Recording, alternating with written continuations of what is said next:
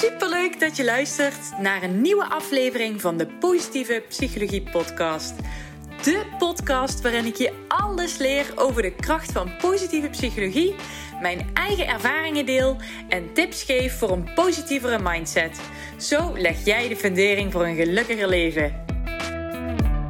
Goedemorgen, lieve, lieve luisteraars. Welkom bij een nieuwe aflevering van de Positieve Psychologie Podcast.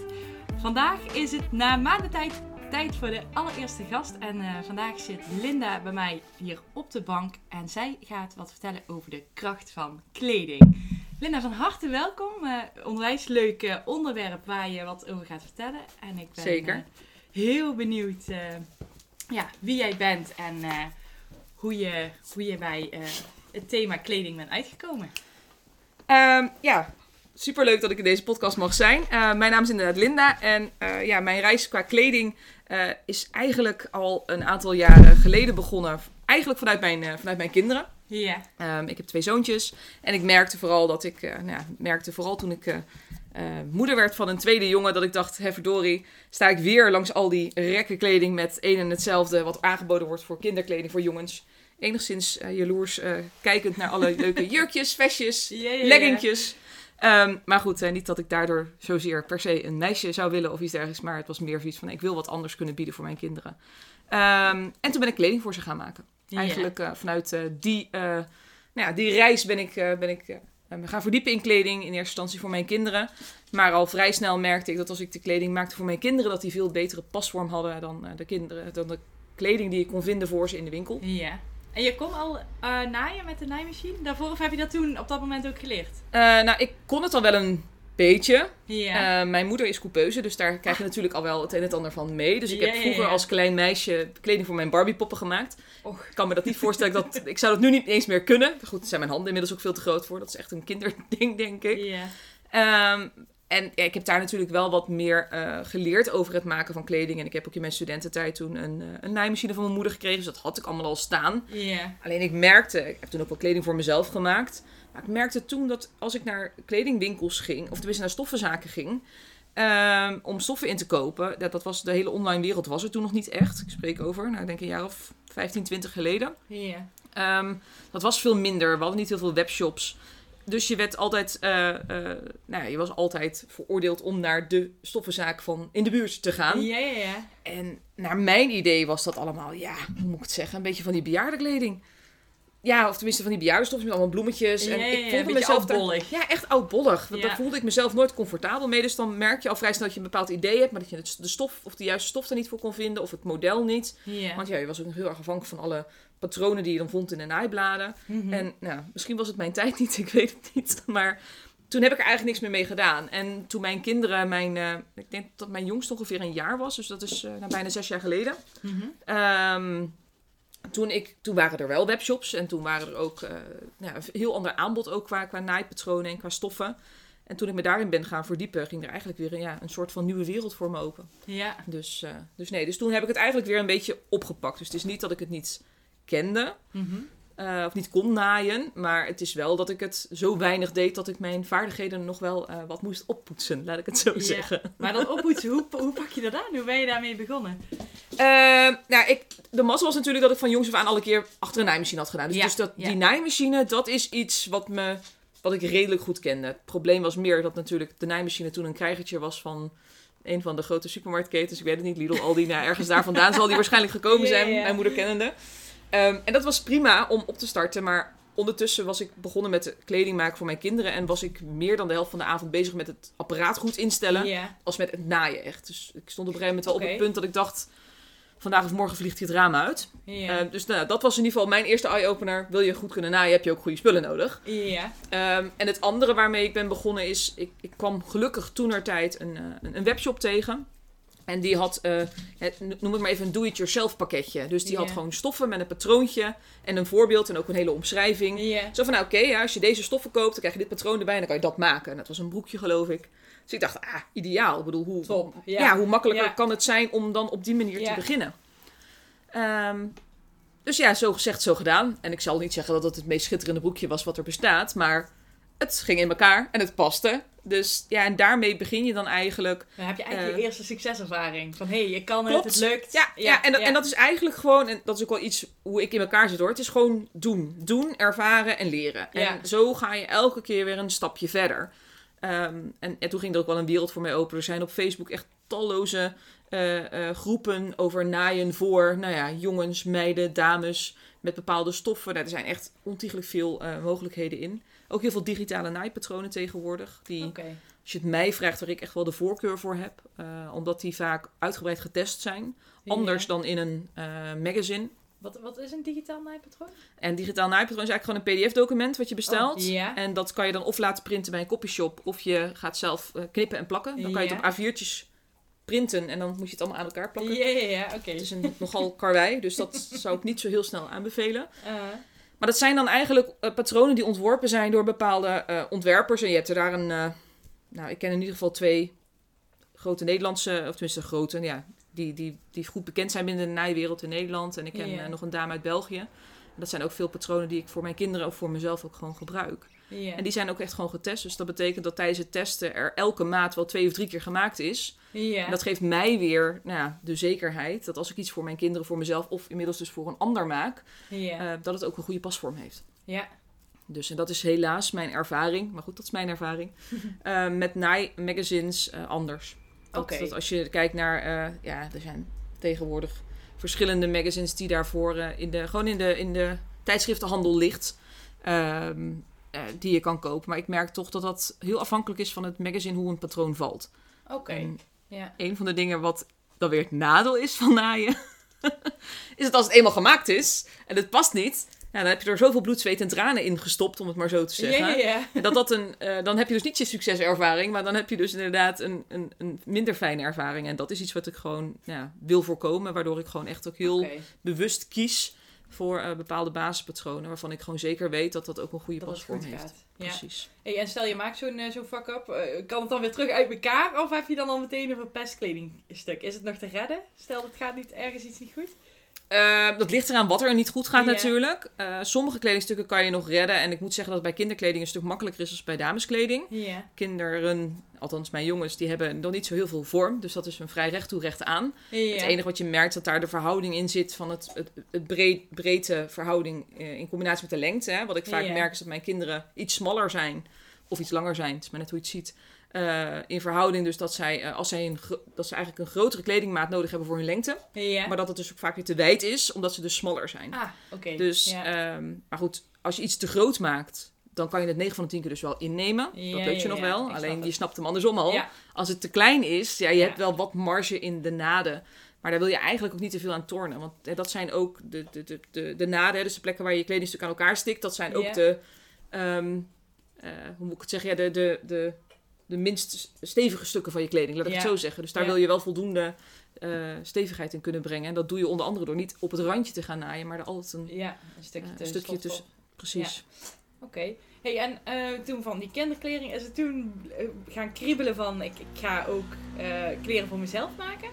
Ja, ik ben inderdaad uiteindelijk... Ik, ik zit altijd te graven hoeveel jaar dat geleden is. Ik denk een jaar of vijf geleden inmiddels alweer. Dus ik denk nou, ruim een jaar nadat ik voor mijn kinderen kleding had gemaakt... en daar enigszins geoefend in werd... kriebelde het al wel een tijdje hoor, moet ik zeggen. Om dat ook voor mezelf te willen. Want je ziet natuurlijk in die groepen al die dames ook de gewel- meest geweldige dingen te maken. Maar ja, wat ik net al zei, kinderen zijn iets rechter recht aan... wat makkelijker om kleding voor te maken als een vrouw met al haar vormen. Ja. Ehm, nou, ik heb zelf genoeg van die mooie vormen. Waardoor ik elke keer dacht, oh hemel, hoe ga ik dat doen? Want als ik een kledingstuk in de winkel koop, dan zit het 9 van de 10 keer niet goed. Mhm. Hoe kan ik dat met mijn nou ja, hobbyachtige eh, eh, aanpak? Hoe kan ik dat dan beter doen? Eigenlijk was dat meer de overtuiging die ik in, mij, in mezelf had. Dat ik dacht, nee, dat, dat kan toch niet?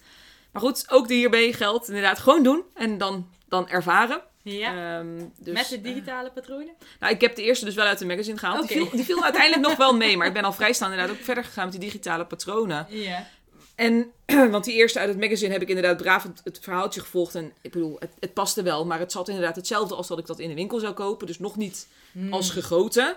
Ja. Dus het was niet dat, die, dat ik hem weg kon gooien. Maar het was wel dat ik dacht, er zijn punten van verbetering. Laat ik het zo zeggen. ja. En toen ben ik mij inderdaad ook aan de slag gegaan met die digitale patronen. En eigenlijk de eerste stap die je doet met het maken van kleding is jezelf opmeten.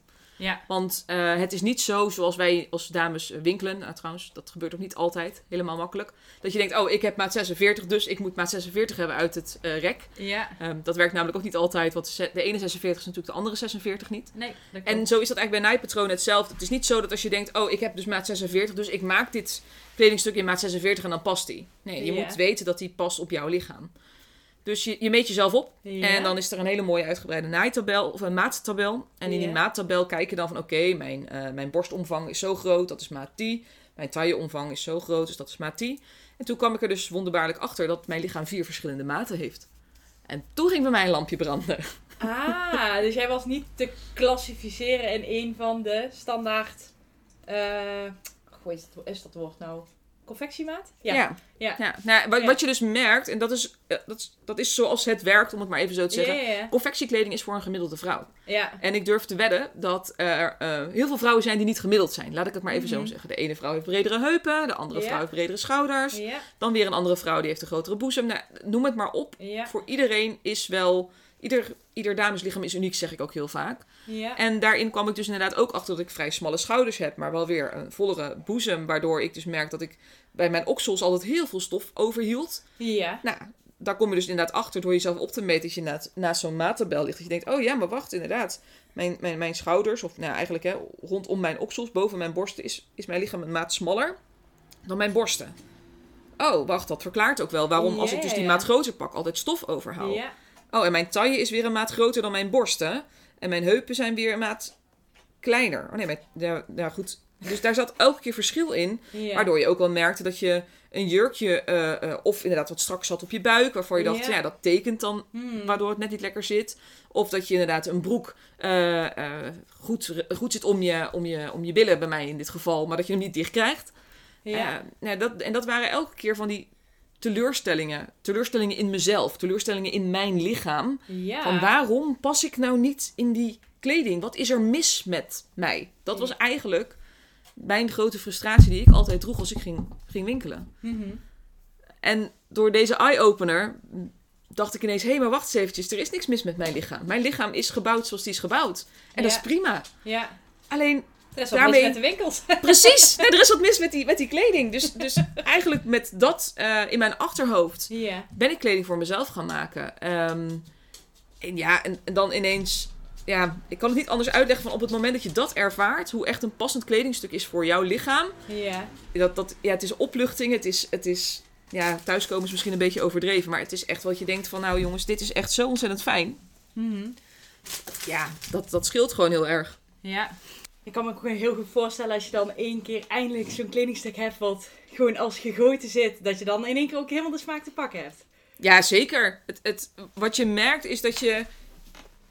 Ja, bij mij vielen er gewoon ontzettend veel kwartjes. Dat je gewoon echt denkt van... hé, hey, verdorie, al die frustratie is dus gewoon... Ja, voor mijzelf, voor mezelf deed het heel veel Ja. natuurlijk. Hè, dat ik ineens dacht van oké, het, het, het, en dat is ook al de boodschap die ik ook heel erg hard probeer te roepen. Het ligt niet aan jezelf. Ga jezelf alsjeblieft niet kwalijk nemen als je in een kledinghokje staat en een kledingstuk past niet. Dat ligt niet aan jou, dat ligt inderdaad aan die kleding. Ja. Ehm, en, en dat was voor mij wel, ja, dat was denk ik wel de grootste eye-opener voor mij op het moment dat ik kleding voor mezelf ging maken. Ja, ja. nee, dus eh, ja. En Wat was het, je eerste kledingstuk? Een jurk. Een jurk, oké.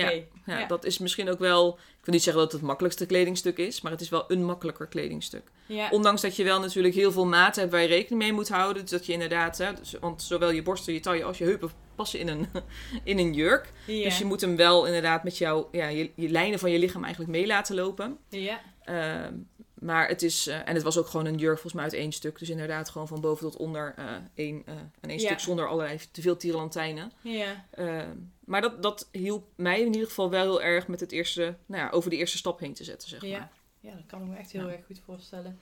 Hey, en inmiddels maak je kleren voor, voor, voor anderen, dames, maar ook kinderen volgens mij.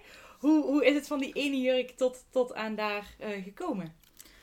Eh, nou, wat ik vooral merkte is dat ik ehm, er zelf heel erg blij van werd. Dat ik dat ook heel veel graag andere mensen eh, daarin blij wilde maken. Eh, en dat ik ze ook die ervaring mee wilde geven. Mhm. Want ja, ik word er in ieder geval heel erg blij van. Ik denk, ja, ik kan wel heel hard roepen van ja, hoe los je dat probleem op? Ja, ga zelf je kleding maken. Maar ik snap ook wel dat niet iedereen de tijd en de, eh, en, en de kundigheid misschien heeft om dat voor zichzelf te gaan doen. Ja. Of dat te willen gaan ontwikkelen. Maar die heb jij wel. Precies, dus ik dacht, daar, daar kan ik iets mee, daar kan ik iets mee. Ehm, en, en wat ik ook merkte, dat is eigenlijk ietsgeen wat ik uiteindelijk daarmee ben gaan combineren, is ik ben, ik even goed nadenken hoor, een aantal jaar geleden ben ik eh, behoorlijk wat kilo's afgevallen. Ja. Ehm, zit er inmiddels ook alweer aan, maar dat is even een ander, ander zijpad. Maar ik, toen ik al die kilo's ben afgevallen, toen dacht ik, ah weet je wat, eindelijk hè, heb ik het maatje 40, 42. Nu pas ik in alle kleding. Dus weer met volle energie was ik naar die Oh, kledingwinkel gegaan. Ik dacht, mijn probleem is opgelost. Eh, want ik ben zoveel kilo's afgevallen. Ehm, dus, dus daar kan ik weer gaan winkelen. Ehm, en toen kwam wederom die deksel op mijn neus. Ten eerste omdat ik merkte dat de verhoudingen in mijn lijf niet veranderen als je heel veel afvalt of aankomt. Dat is bij de meeste dames Ja. zo. Het is niet zo dat als jij 20 kilo afvalt, dat je ineens je hele brede heupen verdwenen zijn. Ja. Eh, die, die, er is altijd een bepaalde basisvorm die, jij, die jouw lichaam heeft. Ik Ja. wil niet zeggen dat die nooit verandert. Hè. Hormonen kunnen ook hele mooie dingen doen. Mm. Maar dat probleem werd niet veranderd. Plus dat ik mijzelf toen ook ben gaan verdiepen in: oké, ik kan nu kleding voor mezelf op maat gaan maken. Ja. Dat kan ik. Maar hoe weet ik het nu ook zeker? Want dat is natuurlijk het, het, het spannende van naaien. Als ik heel zo'n kledingstuk helemaal heb gemaakt en ik trek hem aan, dat ik ook denk: yes, dit is ook echt een kledingstuk wat bij mij past. Dit staat mij ook leuk. Want ja, je, dat is elke keer weer zoeken naar van oké, wat staat je dan ook leuk? En wat, wat... Dus daarnaast ben ik me inderdaad ook gaan verdiepen in, eh, in, in nou, ja, eerst in mezelf. Wat is mijn lichaamsvorm? Hoe kleed je je lichaam het beste? Wat is iets wat bij mij past, bij mijn stijl? Maar ook welke nieuwe dingen kan ik daarin uitproberen? Ehm, en ja, dat vond ik wel een eh, essentieel onderdeel van het kunnen maken van kleding. Dat je ook begrijpt wat kleding met een lichaam doet. Ja. En dat is ook hetgeen wat ik dus nu eigenlijk als combinatie aanbied in mijn bedrijf. Dat ik dus zeg tegen dames oké, ik maak kleding op maat. Maar eh, ik krijg heel vaak terug van dames, ja dat is leuk. Maar als ik kledingstuk op maat bestel bij jou, kan ik hem van tevoren niet passen. Ik zeg nee, klopt. Kan ik hem retourneren dan op het moment dat ik hem niet leuk vind? Ik zeg nee, dat kan je ook niet. Want ja, het is een kledingstuk voor jouw lichaam op maat gemaakt. Dus het is niet zo dat, dat nou ja, je moet misschien een tweelingzus hebben met exact dezelfde bouw. Maar ik kan hem niet nog een keer... Hij Nee, kan ze- niet nee zeker niet. Nee, nee, absoluut niet. Dus, dus, maar ik kan hem ook niet meer verkopen aan iemand anders, want het is op een bepaald lichaam gemaakt. Ja. En ja, dat lichaam, dat is uniek. Dus, en daar zit natuurlijk best wel een, eh, een stap voor mensen die ze moeten maken. Ja. En daarin wil ik ze dan inderdaad ook graag kunnen ondersteunen in het adviseren van... oké, past een kledingstuk dan ook bij jou of bij jouw lichaam? Ja. Ja, want stel een, een, een ehm, nou, ik pak mezelf nog even als voorbeeld. Eh, stel ik, ik, ik zeg, nou, ik, eh, ik wil bij jou een broek op maat. Hoe, hoe gaat dat proces dan in zijn werk? Ehm, nou, ik heb ehm, eh, een aantal basismodellen, Mhm. waaronder een flare pants eh, op mijn website staan. Dus die Ja. kan je daar gewoon in de webshop bestellen. Ja. Wat er dan gebeurt is op het moment dat jij die broek bestelt, krijg je van mij een mailtje waarin aangegeven staat welke maat opgenomen moet worden. Ja. En mocht je in de buurt wonen, dan wil ik ook altijd, eh, nou ja, ben je ook altijd welkom bij mij om het op te laten meten. Want Ik merk dat dat ook nog wel eens een drempel kan zijn voor mensen. Ehm, Het, als je, het opmeten zelf of het naar jou toe komen? nee, het opmeten zelf. ik kan me wel voorstellen dat het niet voor iedereen dat ze dat heel makkelijk. eh, ik probeer het zo goed als mogelijk uit te leggen. Ja, ja. Hè? Waar moet je dan meten? Welke maten moet je meten? Dus dat leg ik uit. Ehm, en op het moment dat ik die maten binnen heb, dat zijn eigenlijk, Ja. ik zit even te denken, eh, volgens mij vier maten. Je tailleomvang, dat is wel handig als je broek daar, eh, dat die daar goed zit. Je heupomvang. En dan de lengte van je benen, dat doe je door eh, de lengte van je binnenbeen te, te meten. Dus vanaf je kruis tot einde aan de grond. Ja. Die lengte wil ik weten. En de hoogte van je broek, dus dat is vanaf je kruis tot aan nou ja, waar je de broek eigenlijk wil laten eindigen Oké. in je taille. Dus dat, dat is, nou, ja, daarin kan je dus ook kiezen, wil je hem hoog, midden of laag laten eindigen, wat je daarin fijn vindt. Ehm, en soms helpt het ook wel dat ik zeg van oké, of pak anders even een ideaal kledingstuk. Voor de lengte kan je daar ook heel veel dingen uit afmeten. Alleen de, de omvang is bij een broek weer heel lastig, omdat elke stof op een andere manier rekt. Ja, Precies, dus daarom het. heb ik dat echt Ja. wel van het lichaam nodig. Ja. Ehm, nou, en als je die maten doorgeeft, dan, eh, dan ga ik aan de slag. Ehm, eh, bij het basismodel is het zo dat je van tevoren wel een kleurkeuze hebt. Ik heb daar Ja. tien verschillende, eh, in dit geval eh corduroy stoffen in staan voor een broek. Dus daar kan je dan uit kiezen. Op het moment dat je zegt van nou, ik wil iets anders, ook prima. Stuur me een berichtje, dan gaan we samen in gesprek en gaan we kijken wat, wat voor andere mogelijkheden er zijn. Ehm, nou, en dan als ik alles binnen heb, dan ga ik aan de slag. En dan is het streven dat je drie weken later een, een broek in huis hebt die, Oké. die jou als gegoten zit. Ja. Super gaaf. Want je, ben jij nu fulltime gaan ondernemen ook? Ja, ik ben vanaf 1 eh, juni fulltime gaan ondernemen. En eh, dan ben ik dus inderdaad... Dit eh, jaar vorig jaar? nee, dit jaar. Dit jaar, Nee, het is echt... eh, nou, vers van de pers. Kerstverse ondernemer hier op de podcast. Wel fulltime. Ik ben Ja, ja, inderdaad... eh, ehm, ik zit even te denken hoor. Augustus 2020 ben ik begonnen. Naast mijn loondienstbaan. En ik doe het nu vanaf 1 juni fulltime. ehm, terwijl ik een sabbatical heb van mijn loondienstbaan. Dus dat betekent dat ik nu een half jaar geen loondienst heb. Dus het fulltime doe. En Ja. eh, als iedereen hier super enthousiast van wordt en allemaal kleding bij mij komt bestellen, dan is het streven daarna dat ik dat na een half jaar mijn loondienstbaan kan opzeggen. Dus ik zie dat eigenlijk als een soort ja, vangnet, om het maar zo Ja, te zeggen. Ehm, dus ja, voor mij ook een hele spannende periode om hierin te zitten. En, Ja. eh, en, en je bedrijf in, eh, in door te ontwikkelen. Ja.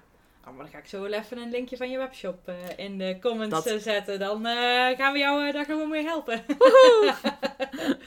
Ja, nee, Ja. Het, het, het, het, is gewoon zo gaaf om, om dames hiermee te mogen helpen. En, eh, eh, ja, en wat ik net ook al aangaf, hè, op het moment... Kijk, ik, heb, ik verkoop losse kledingstuk op maat, omdat ik snap dat niet meteen iedereen eh, zijn hele garderobe aan wil Ja. pakken.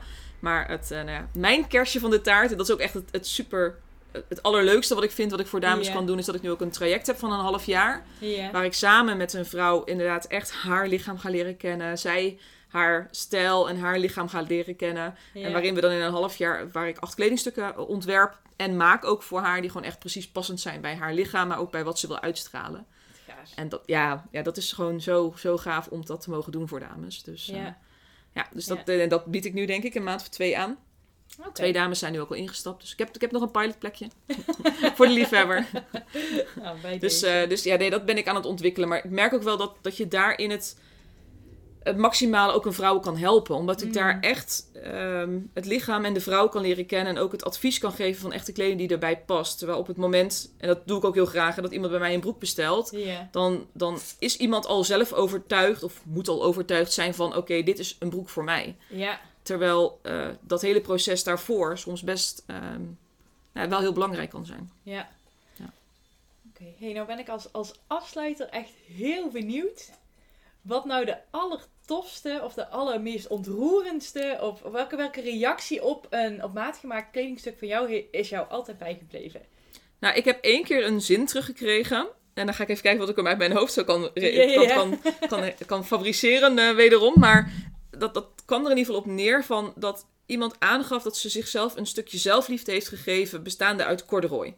En nou, mijn broeken, mijn flare pants zijn gemaakt van een rekbare corduroy. Dus dat is zo'n ripstof. Ja. Ehm, en, en, en zij, eh, het was voor haar echt de, de ervaring dat op het moment dat ze die broek aandeed, dat zij, zij ehm, zichzelf echt kon omarmen, omdat zij, zich zo zelf, zij zichzelf zo'n broek had gegund. Och, Ja, en dat vond ik wel echt dat ik denk, daar doe ik het ook echt voor. Dat ik gewoon, ja. ja. Ja, dus dat was, eh, ik, ik heb hem geloof ik ook ergens als slogan in mijn Instagram gezet, omdat ik toen echt dacht, oh, dit is echt voor mij zo, zo waardevol. ja. Dat iemand. eh, en dat was eigenlijk haar reactie toen ze hem had aangepast. Toen kreeg ik dit terug van ja, goh. En, en ook daarbij vermeld dat ze zei van ja, als ik dit eerder had geweten, had ik niet zo lang getwijfeld. Had ik mezelf dit meteen eh, gegund. Ja. ja. Ja, dus dan, eh, dan eh, zit er een hele blije Linda. Ja, dat geloof ik. Daar ook doen een hele blije voor. klant. Ja, ja, nee, zeker. Ja, ja. En als je allebei blij bent, dan, eh, dan heb je volgens mij. eh, ja, wat mij betreft heb ik dan eh, eh, maximaal kunnen behalen wat ik wil behalen. Ja. Hey Linda, echt onwijs bedankt voor jouw super toffe verhaal. En ehm, ja, ik ga zo eh, meteen even zorgen dat jouw webshop en alle linkjes, je Instagram pagina in de show notes komen. En dat mensen jou kunnen volgen. En eh, jij heel erg bedankt voor het luisteren en tot de volgende keer. Heel erg bedankt voor het luisteren. Mocht je deze aflevering interessant hebben gevonden, maak even een screenshot, deel het in je story en tag me op Instagram. Mijn accountnaam is Eline Verbeek underscore online coaching. Zo gun je ook anderen een positieve mindset. En ik vind het heel erg leuk om te zien wie er allemaal geluisterd hebben. Tot de volgende keer!